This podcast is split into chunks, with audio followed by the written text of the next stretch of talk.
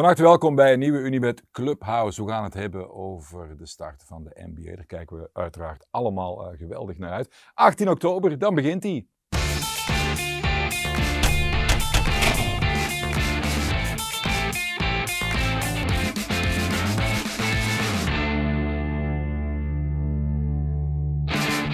En vandaag de gast eh, Thomas van de Spiegel. Uh, nog altijd geen enkele gram vet aan dat lichaam van 214 centimeter. Het is ongelooflijk. Levende legende. Junior Vertongen vandaag mijn sidekick. Levende legende deze toch man. Wel, toch wel. Titels met CSK, bij Real uh, gespeeld.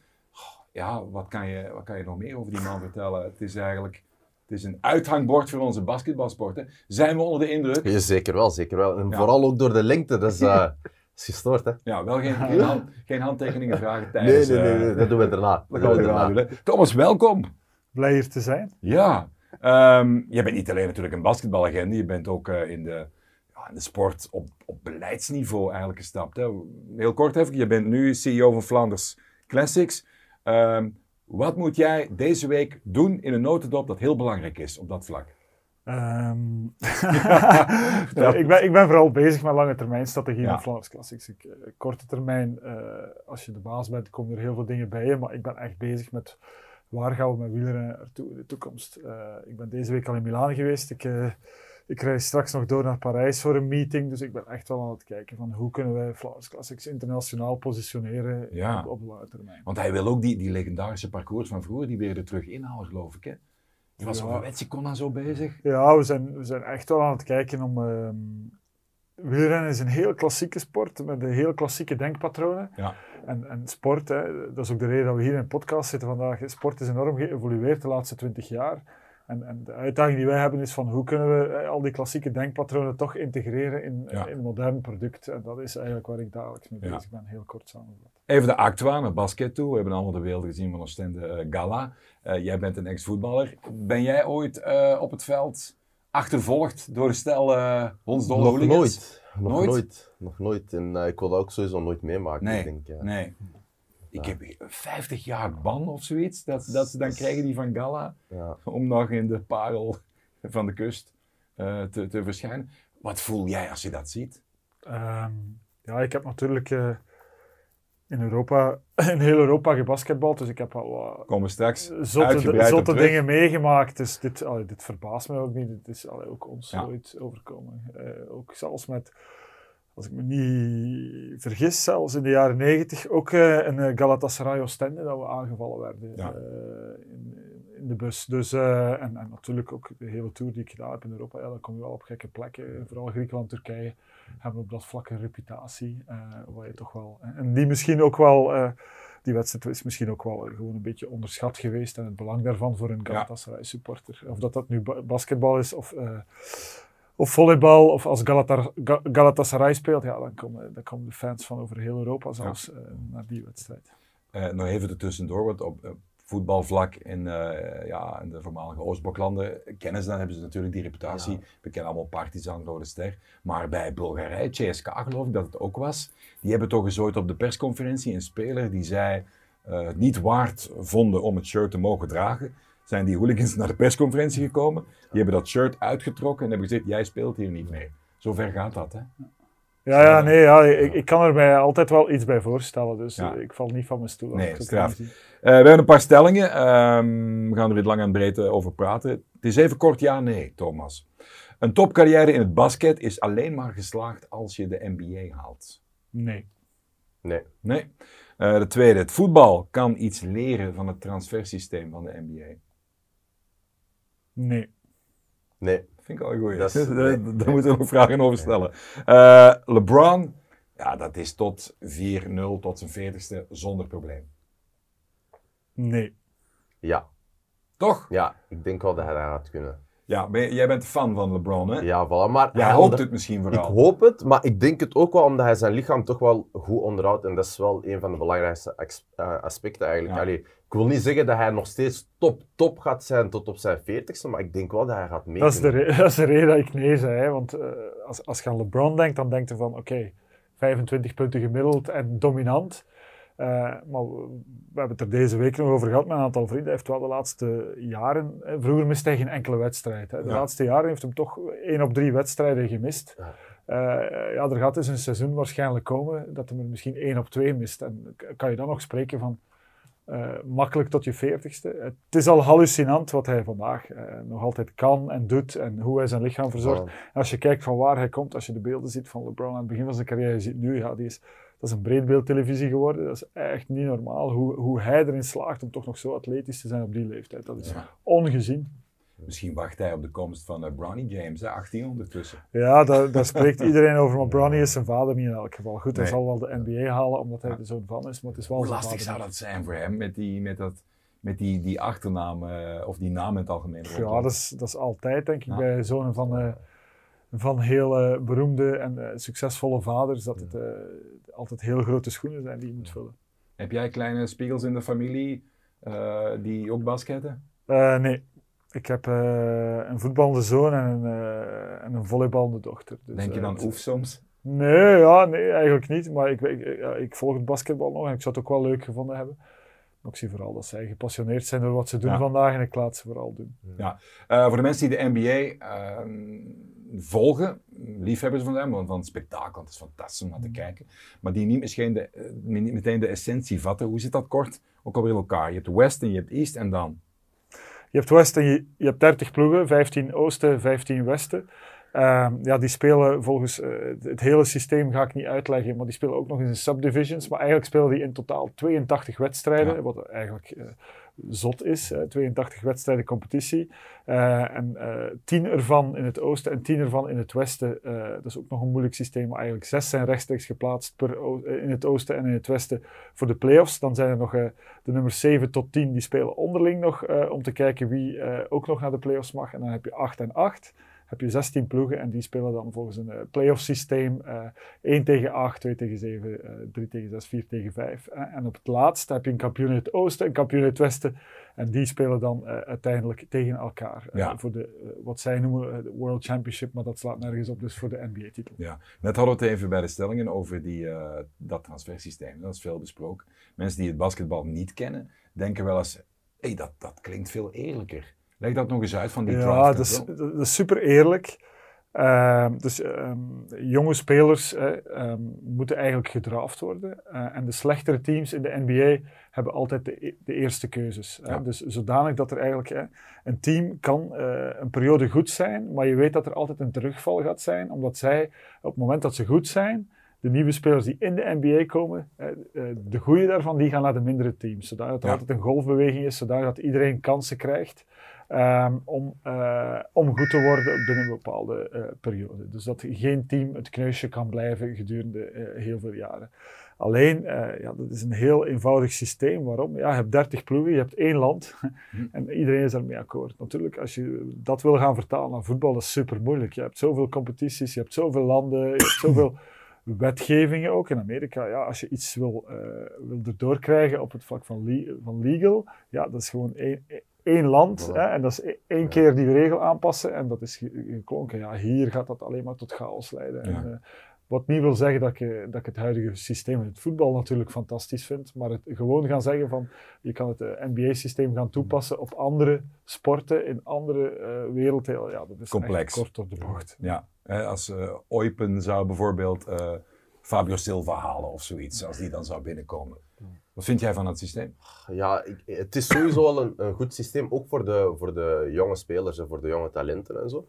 Maar ja, hoe je zegt, je kunt dat niet naar het voetbal overbrengen eigenlijk. Dat is, dan wordt dat te complex, uh, veel te ingewikkeld. Er zijn veel verschillende landen, competities, dus dan, dat is superveel puzzelwerk eigenlijk. Ja, dus, uh, sowieso niet, heb uh, jij ooit die onderhandelingen moeten voeren op voetbalniveau?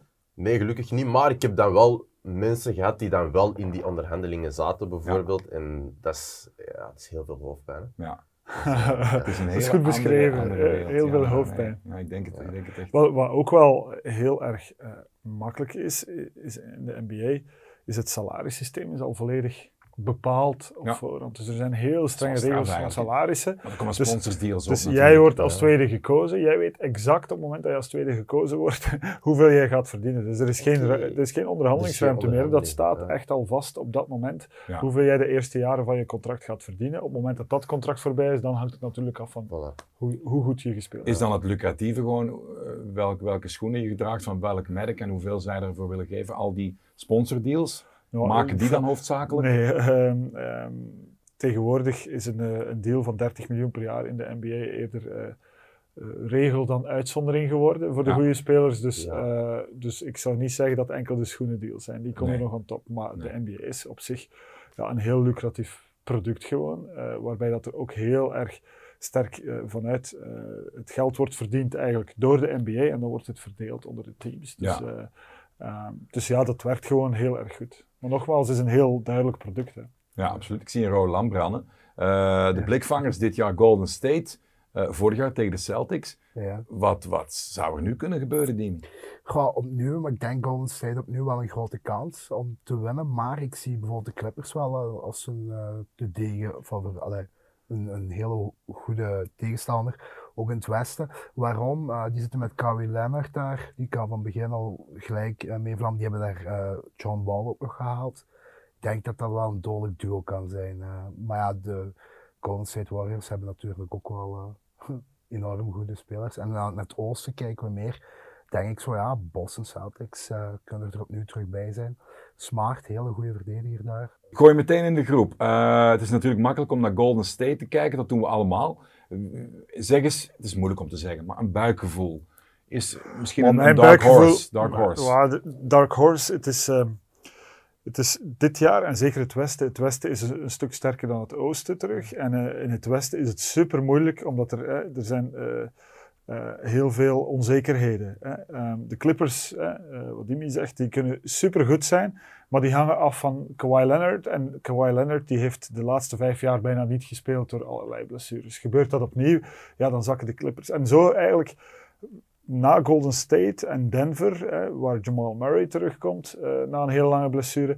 Eigenlijk al die teams daaronder, die zijn op papier even goed. Eh, alleen zijn er heel veel onzekerheden. Je hebt bij New Orleans, New Orleans gaat misschien wel het leukste team zijn om naar te kijken eh, dit jaar in de NBA. Daar heb je Zion Williamson, dat is een beest. Dat is Ja. echt, eh, maar die heeft eigenlijk nog niet gespeeld sinds hij uit college gekomen is, of heel weinig gespeeld. Die zou nu fit zijn. Als die fit is, wordt dat fantastisch. Als die niet fit is, ja, dat, dat, dat scheelt. Dus- dat kan plaats 4 zijn, maar dat kan ook plaats 11 zijn. Is een als, als, als ja, dus, en, en het Westen, ehm, om te voorspellen dit jaar, is bijna on. Je, je kan Nee. aan op Golden State, eh, je kan waarschijnlijk aan op Denver, maar alle andere teams eh, tussen plaats 3 en Ja. pakweg 11, 12. Hè. De Lakers bijvoorbeeld, ja, die hebben ook weer heel veel mensen gehaald. LeBron is gebleven, Anthony Davis is daar nog.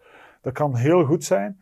eh, maar dat kan ook plaats 10 zijn. Dus dat is echt Is er één parameter, als we dan toch een favoriet willen, willen uitkiezen, die het belangrijkste is van de als, als, als dingen? Wat is de belangrijkste parameter om succes te hebben in die NBA? Is dat, ja, wat, wat zou dat zijn? een, een stuk is ervaring. Hè. Golden State heeft vorig jaar de titel gewonnen tegen de Celtics, die trouwens in het oosten ook dit jaar, te- ondanks het feit dat hun coach omwille van eh, harassment eh, eh, geschorst is, toch wel terug de top gaan spelen samen met Milwaukee en de Sixers. Daar gaat iedereen van uit.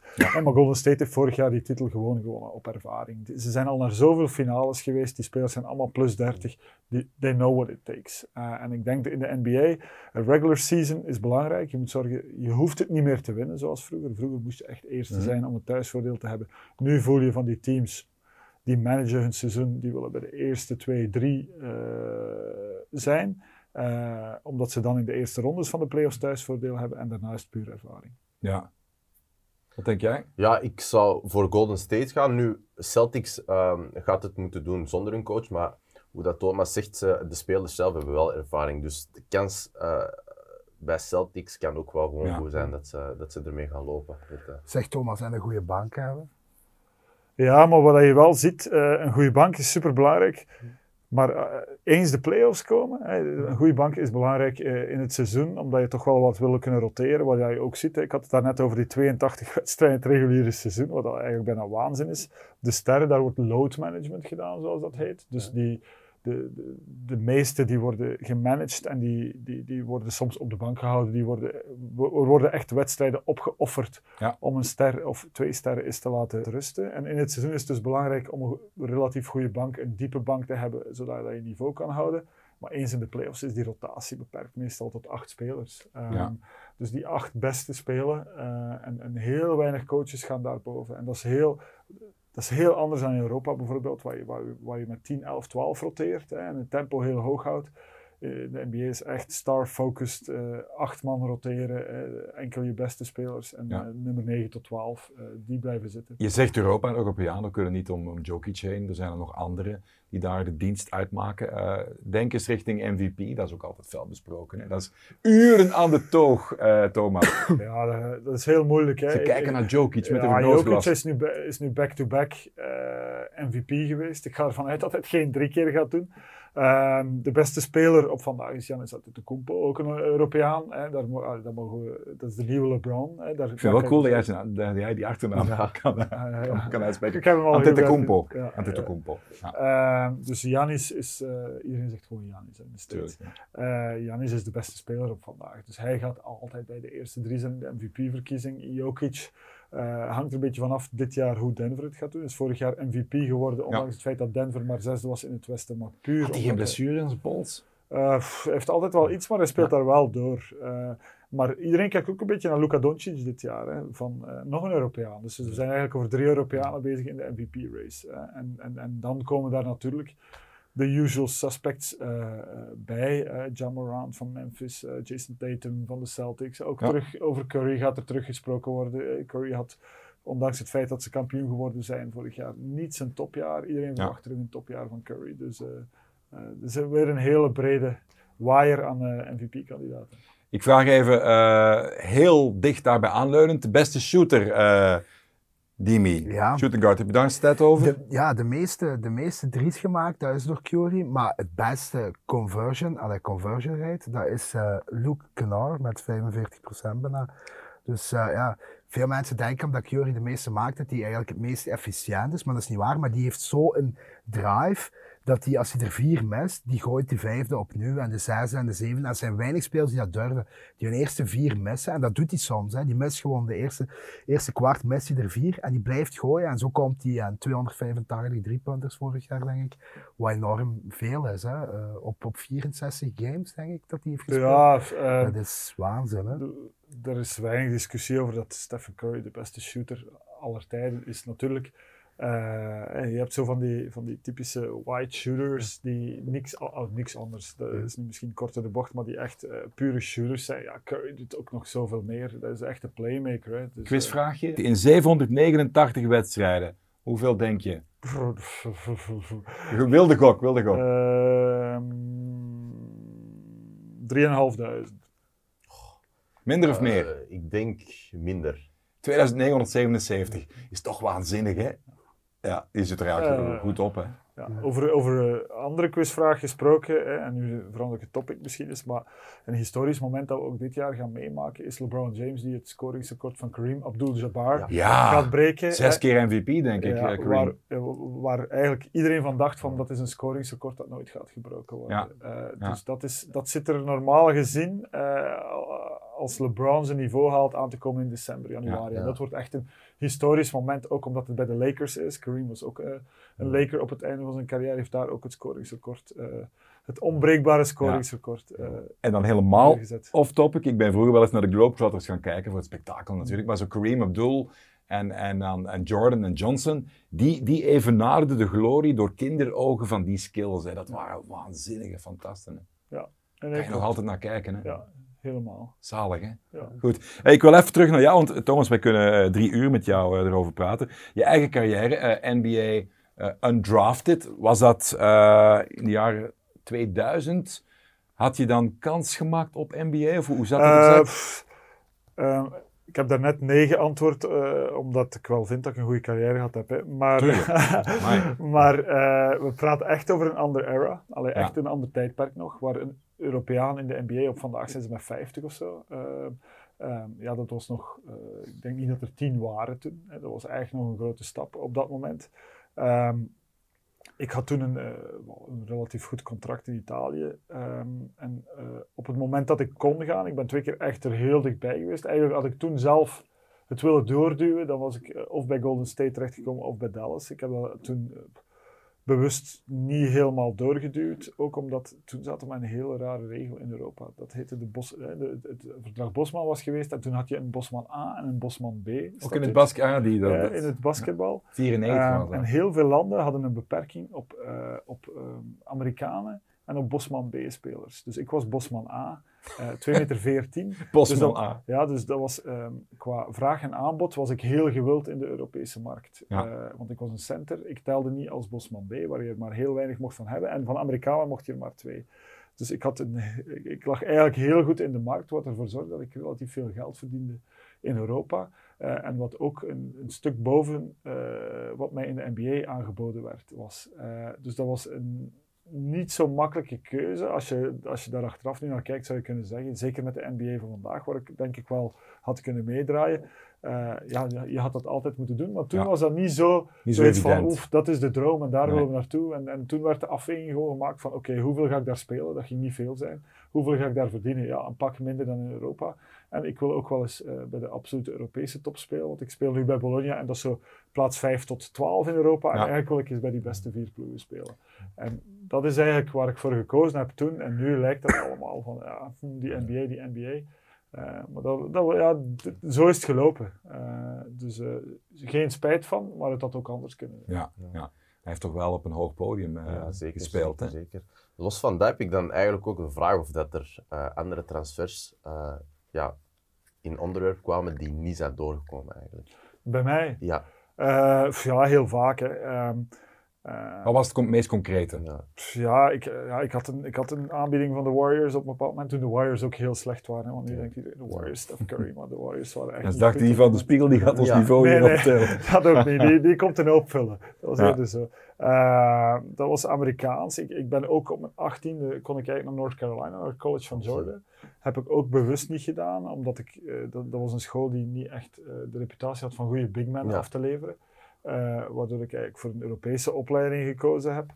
Eh, daarna, ik heb eigenlijk in Europa, heb ik, eh, ja, bij, bij, bij, van de top 10 eh, heb ik bij vier, vijf ploegen gespeeld. Ik ben op een bepaald moment toen Palatina, CSK en Panathinaikos waren echt de twee powerhouses. Op Moet ik even moment. onderbreken? Panathinaikos zeggen ze daar. Ligt heel gevoelig, hè?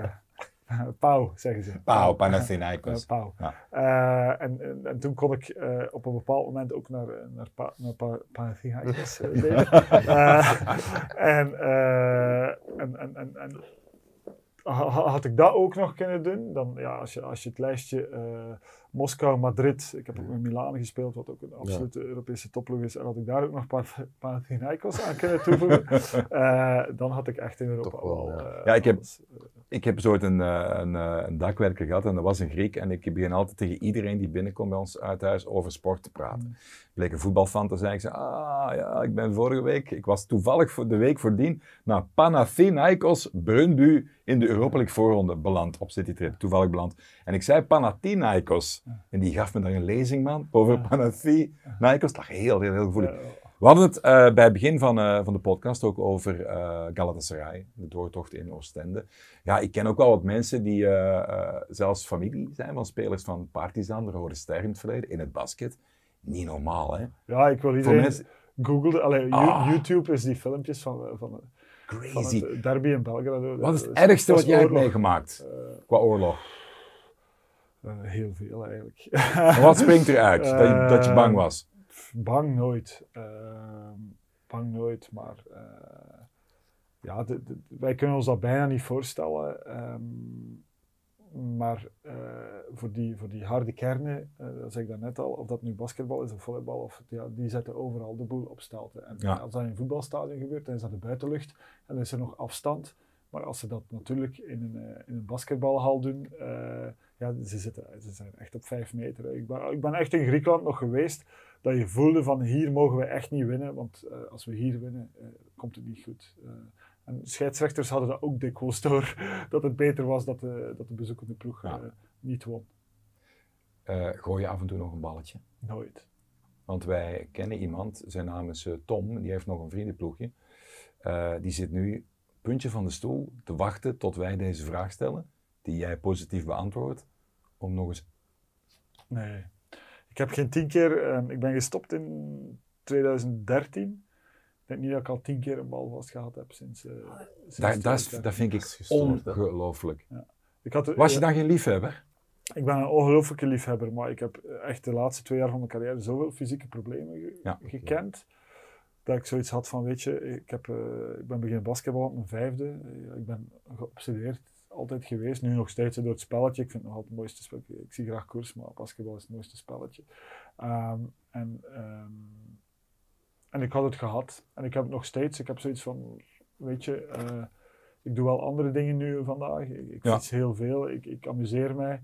Ehm, als ik een uurtje zou basketballen, dan ben ik een week geen mens. En daar heb ik er niet voor over. Eh, en dat is eigenlijk de reden dat ik het niet meer doe. En om gewoon dan een balletje te gooien, weet je, dat is een balletje gooien. Ik wil dan, ik wil dan spelen. Hè. Eh, Ja. Als je me op het terrein zou zetten, dan wil ik, oh, al is het Echt 1 tegen gewoon 1, 2 all tegen in 2, gaan, 3 ja. tegen 3. Voilà. Weet Eh, je, ik wil spelen, ik wil winnen. eh, en, en ik ben er niet meer toe. Ik ben er echt fysiek niet meer toe in staat van.